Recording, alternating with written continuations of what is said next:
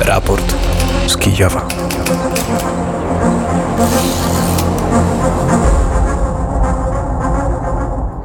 650. dzień rosyjskiej inwazji na Ukrainę, inwazji na pełną skalę. Z Warszawy wita się Paweł Bobułowicz, audycję realizuje Wojciech Piątek. W nocy siły obrony powietrznej zniszczyły 10-17 szachedów. Rosyjska armia wystrzeliła również pociski S-300 na cele cywilne w obwodach donieckim i hersońskim. Drony dotarły do zachodnich regionów Ukrainy. Systemy obrony powietrznej działały w obwodach mielnickim i winnickim, a w obwodzie lwowskim trzy drony zaatakowały obiekt infrastruktury, powodując pożar, który został szybko ugaszony. Doszło do niewielkich uszkodzeń, nie było ofiar ani rannych. Ciało ośmioletniej dziewczynki zostało wydobyte spod gruzów domu w Nowochrodliwce, przepraszam bardzo, w Nowochrodliwce. Operacje poszukiwawcze w miejscu, w którym rakieta uderzyła w budynek mieszkalny w nocy 30 listopada wciąż trwają. Rodzice dziecka, którzy prawdopodobnie znajdują się pod gruzami, nie zostali jeszcze odnalezieni. Wcześniej informowano o śmierci dwóch osób w wyniku ataku w Nowochrodliwce. Rosja twierdzi, że doszło do zmasowanego ataku dronów na Krym. Rosyjskie Ministerstwo Obrony donosi o zestrzeleniu 41 dronów, które ukraińskie wojsko rzekomo wystrzeliło na cele na terenie okupowanego Krymu. Jednocześnie proukraińskie kanały telegramowe piszą, że w Kerczu mogła zostać trafiona stocznia Zaliw, gdzie znajdują się okręty wojenne. Informacja ta nie została jeszcze oficjalnie potwierdzona. Ukraińskie siły zbrojne potwierdziły udany atak na magazyn ropy w okupowanym Ługańsku w niedzielę wieczorem. Nie podano żadnych szczegółów. Wcześniej media donosiły o pożarze w składzie ropy. Jeden ze zbiorników paliwa zapalił się w wyniku ataku drona. Biały Dom wysłał list do Kongresu Stanów Zjednoczonych, wzywając go do zatwierdzenia nowych funduszy dla Ukrainy. Do końca roku Kijowowi zabraknie pieniędzy na zakupy dodatkowego uzbrojenia i sprzętu. Polska będzie domagać się od Komisji Europejskiej przywrócenia systemu zezwoleń dla ukraińskich ciężarówek, zapowiedział premier Mateusz Morawiecki.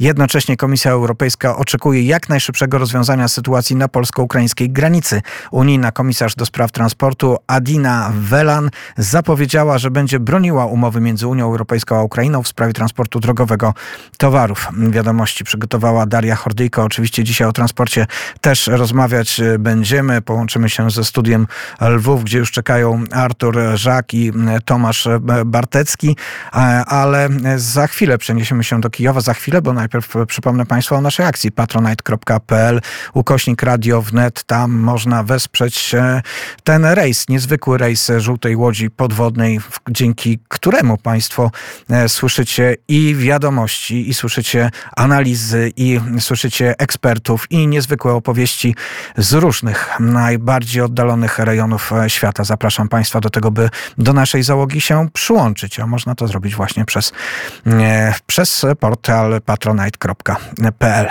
A teraz już się łączymy z Kijowem, gdzie jest Dmytro Antoniuk. Dzień dobry Dmytrze. Dzień dobry, Pawle, witam Państwa serdecznie. E, Dmytrze, dzisiaj niespokojna noc na Ukrainie znowu, bo jak e, bardzo często się to dzieje, e, Rosja wykorzystała drony. Zapytamy się też Artura, jak to wyglądało w Lwowie, ale jak wygląda też sytuacja na froncie. Tak, niespokojna noc w całej Ukrainie. W Kijowie było spokojnie. Tutaj nie doleciały drony rosyjskie. Natomiast nie tylko dronami uderzono. Przypominam znów, że 17 dronów było wystrzelone dzisiaj w nocy z Rosji do Ukrainy i 10 z nich zostały zastrzelone. Niestety no, 7 dronów jednak eksplodowali i to spowodowało e, pożary i też o tym posłuchamy, co powie e, Artur, e, bo jeden z takich pożarów był w obwodzie lwowskim. Co do sytuacji, bo jeszcze dodam, że Rosja wystrzeliła 6 rakiet typu S-300. Te typy rakiet no, bardzo ciężko jest zestrzelić, więc te rakiety też spadły, e, spadły w obwodach e, Dnipropetrowskim, e, Hersońskim i Donieckim i jeszcze w Charkowskim też. Także w, no, sytuacja jest ciężka. Jedna z tych rakiet uderzyła w, w miasto Borowa, które znajduje się w obwodzie e, charkowskim, e, niedaleko od linii frontu, niszcząc e, budynek kultury. Jeden, e, jeden cywil, jedna cywilna osoba jest e, poszkodowana, niestety. E, Co do sytuacji na froncie, to wró- wróg dalej e, próbuje atakować pod Awdijewką.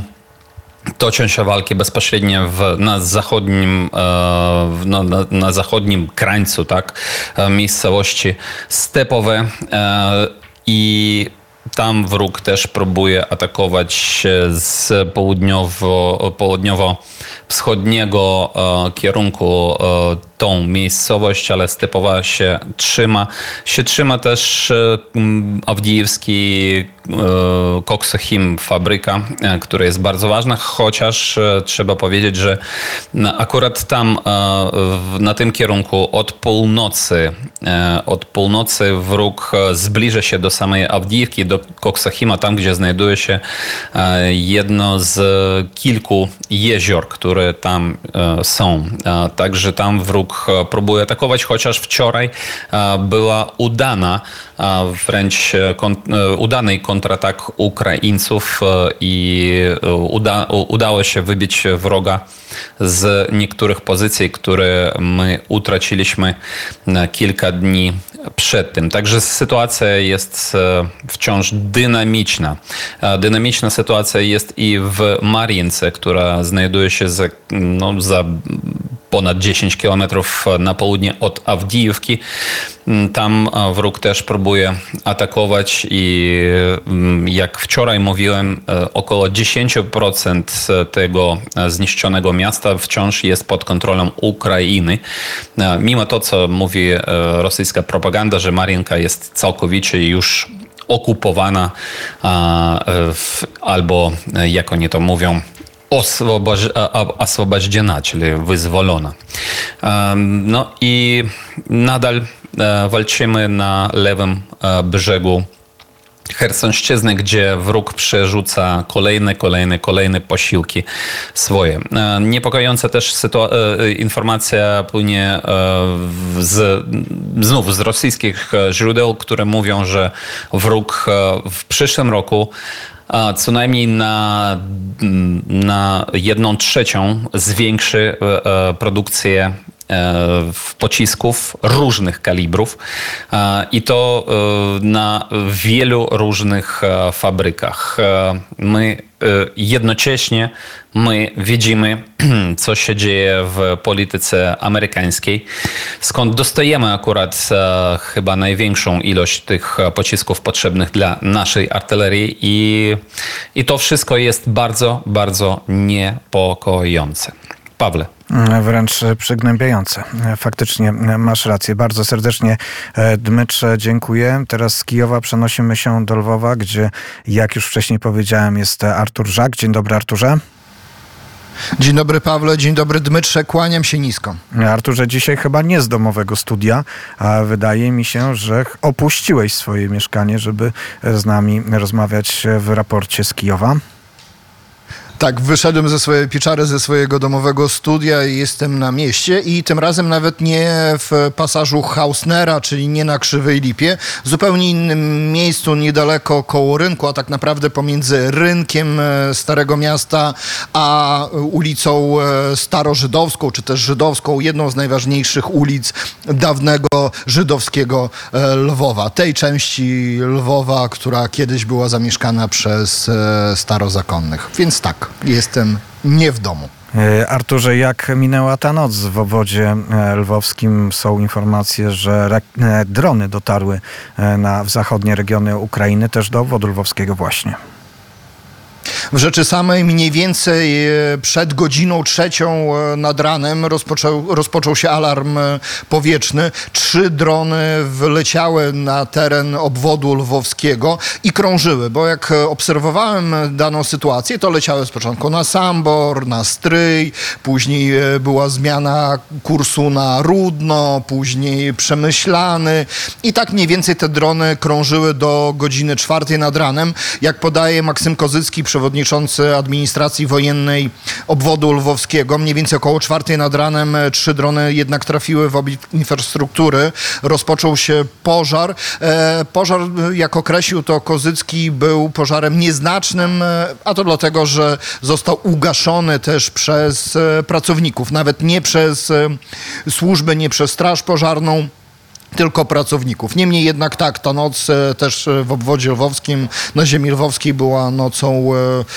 e, która, która niestety uniemożliwiła normalne spanie w nocy, że to tak określę. No, muszę powiedzieć, że ja zawsze podziwiam na- naszych kolegów, korespondentów na Ukrainie, gdy w sumie tak poetycko opowiadają o tych krążących dronach, a przecież jest to po prostu latająca bomba i gdy się obserwuje, gdzie ona się przemieszcza, to człowiek myśli o tym, jak daleko od domu, a może w, w dom, w którym jestem, e, spadnie. I to są nerwy, to są nerwy milionów e, ludzi, którzy siedzą w tych kanałach e, telegramowych i obserwują, gdzie się drony przesunęły, gdzie są w tym momencie, jak daleko, od której strony wlatują do miasta. Skutki tego, skutki psychologiczne są po prostu niewyobrażalne i możemy się cieszyć każdego dnia w Polsce, że my tego, proszę Państwa, nie doświadczamy, ale też rozumieć, jak to jest tragiczne, gdy doświadcza się tego praktycznie co noc, gdy się budzi rano i człowiek sobie myśli, udało się przeżyć e, tę noc, a gdy się zasypia, to tylko, żeby mnie nie budził alarm i żeby nie leciały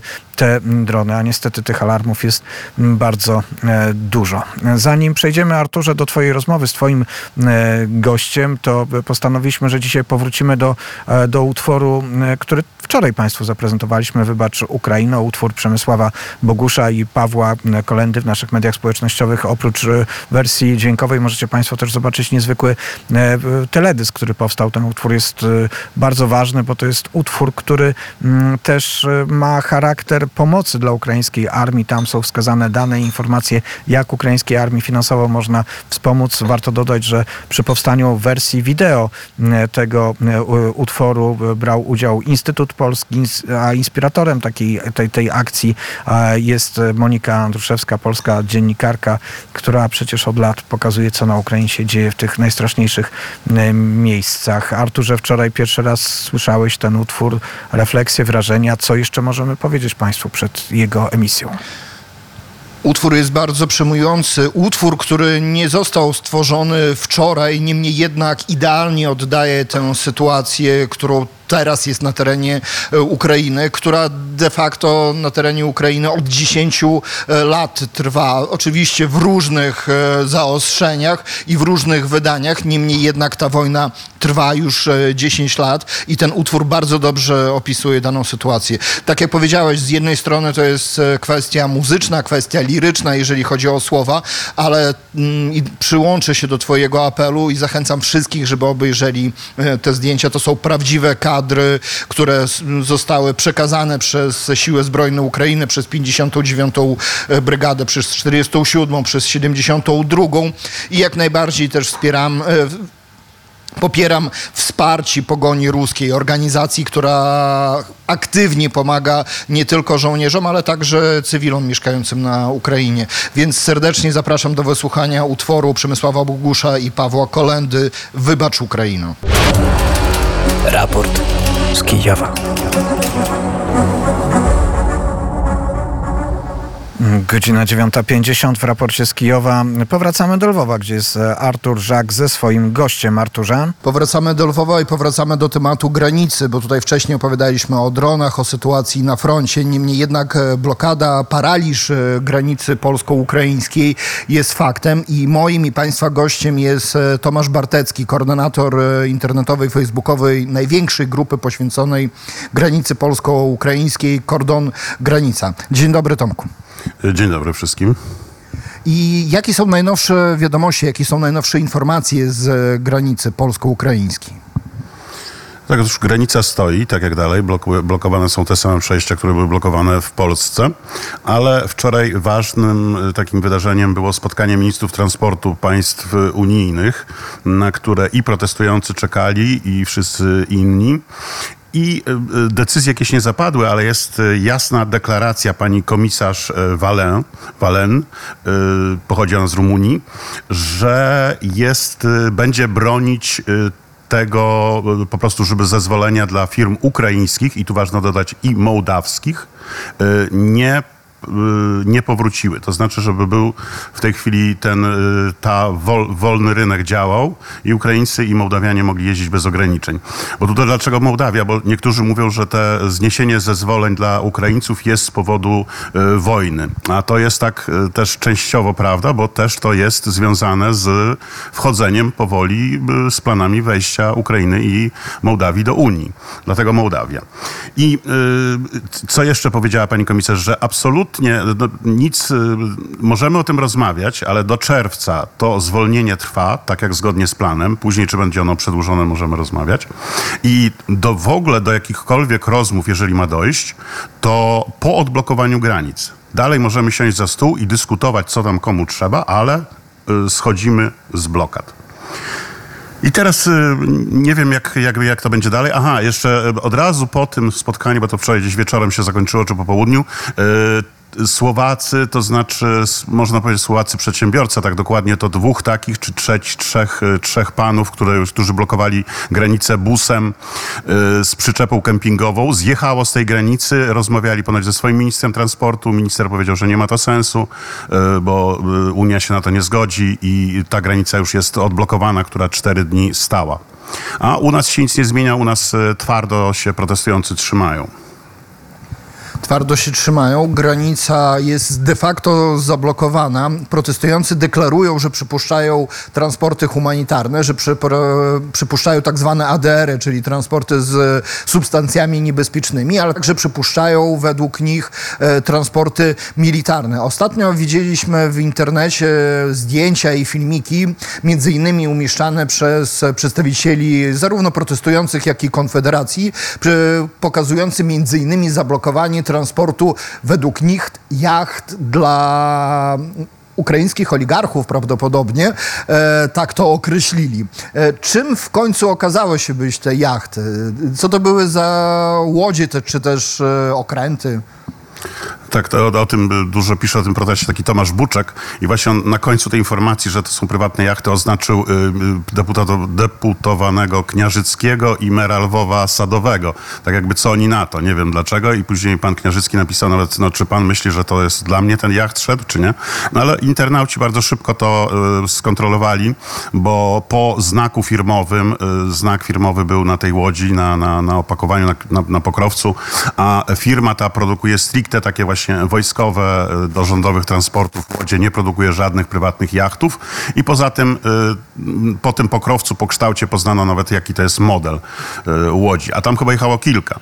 No i, ale protestujący chwalą się, że to zatrzymują, zatrzymują jakieś jachty. Ja w ogóle uważam, że jakieś nieporozumienie jest kontrolowanie dokumentów, czy zawartości, czy wchodzenie w, w jakieś tam y, listy przewozowe, co to jedzie, skąd to jedzie, bo raz, że to jest tajemnica handlowa, że to jest y, jakieś tam są wojskowe rzeczy, ale nawet w prywatnych, w komercyjnych ładunkach, to coś takiego to jest jak szpiegostwo przemysłowe, bo y, przewoźnik kontroluje, co wiezie drugi przewoźnik, skąd i dokąd. I zawsze to się ukrywa takie informacje. I zawsze może, może robić to samo na takich samych trasach. Teraz zostało odblokowane dla pustych e, transportów jedno z e, przejść e, granicznych, dla pustych tirów, które wracają do Polski bez ładunku. Widziałem zdjęcia i filmiki też z internetu, jak wygląda przekraczanie ta żywa kolejka. Warunki są dosyć ciężkie. Co mówią o tym kierowcy, przewoźnicy, o właśnie o, o takim sposobie na opuszczanie Ukrainy bez ładunku? To znaczy tak, to jest był je- jeden z postulatów, żeby otworzyć osobne przejście graniczne mm, dla samochodów pustych kolejne, ale tam chodziło o to, żeby tylko y, unijne niby samochody jechały. To już jest od dawna, bo są dwa przejścia jeszcze Zosin i Malch, Niżankowice, tak, y, w którym wraca się na pusto. Uruchomiono trzecie, mm, trzecie przejście z tą różnicą, że tam na razie, albo może i w ogóle nie ma być tak zwanej elektronicznej kolejki, czyli wszyscy jadą tam na żywioł. I y, to jest od wczoraj dopiero funkcjonuje. Droga jest wąska, to przejście nie jest tak, tak średnio jest przystosowane, szczególnie dojazdowo dla ciężkich samochodów, ale jakoś tam sobie y, radzą. Y, stoją te samochody. Mm, Z, z informacji wynika, że tam mniej więcej za dobę odprawiono 100 samochodów. Kolejka jest kilka kilometrów, nie wiem, na dwa, na trzy dni. Zawsze to teoretycznie jest y, mm, szybciej niż przez te przejścia, które wracają puste samochody, a protestujący ich nie I właśnie tam mają pretensje, że tam jest ta elektroniczna kolejka wynosi na przykład tam 12 dni czy ileś dni, powiedzmy w Zosinie.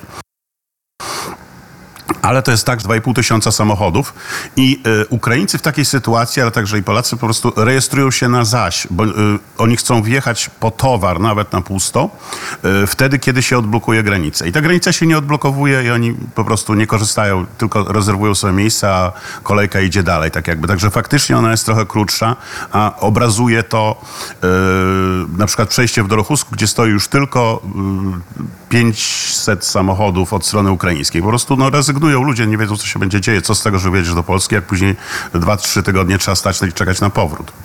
Paweł Bobołowicz ma jeszcze pytanie. Przypomnę, że naszym gościem jest Tomasz Bartecki, e, koordynator grupy Kordon Granica E, Tomaszu. Dzisiaj na antenie Radia Wnet jeden z protestujących kierowców stwierdził tak. Kierowcy ukraińscy utworzyli na parkingach swoistą mafię, blokują samochody uprawnione do wyjazdu w pierwszej kolejności, żeby pokazać w mediach, że działamy na e, szkodę, stwierdził Jacek Sokół, e, który też protestuje. To sami Ukraińcy siebie blokują na polskiej granicy? To chodzi, chodzi o polską stronę, tak? W Tak. Yy, No tak, tak, tak twierdzą protestujący, że puszczają jakieś tam takie filmy. Oczywiście kierowcy, kierowcy ukraińscy yy, przeczą temu.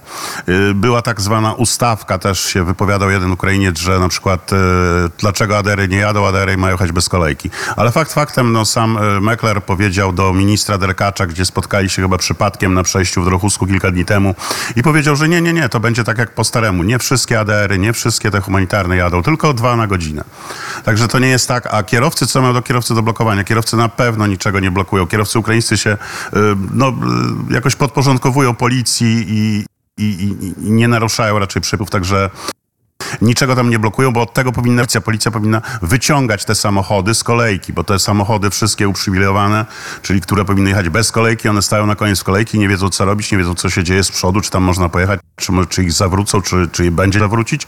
Tomaszu, Także, i w no, tym, tym momencie musimy skończyć. Na granicę na pewno e, też e, pojadą jeszcze nasi reporterzy. Zobaczymy bezpośrednio, co się dzieje. Dziękujemy Ci za te informacje, Arturze. E, też e, dziękuję za informacje e, z Lwowa i w ten sposób kończymy raport z Kijowa. Przypominam o naszej akcji patronite.pl ukośnik radio wnet. Dołączajcie Państwo do naszej załogi. W raporcie z Kijowa kłania się Paweł Bobołowicz. Raport z Kijowa.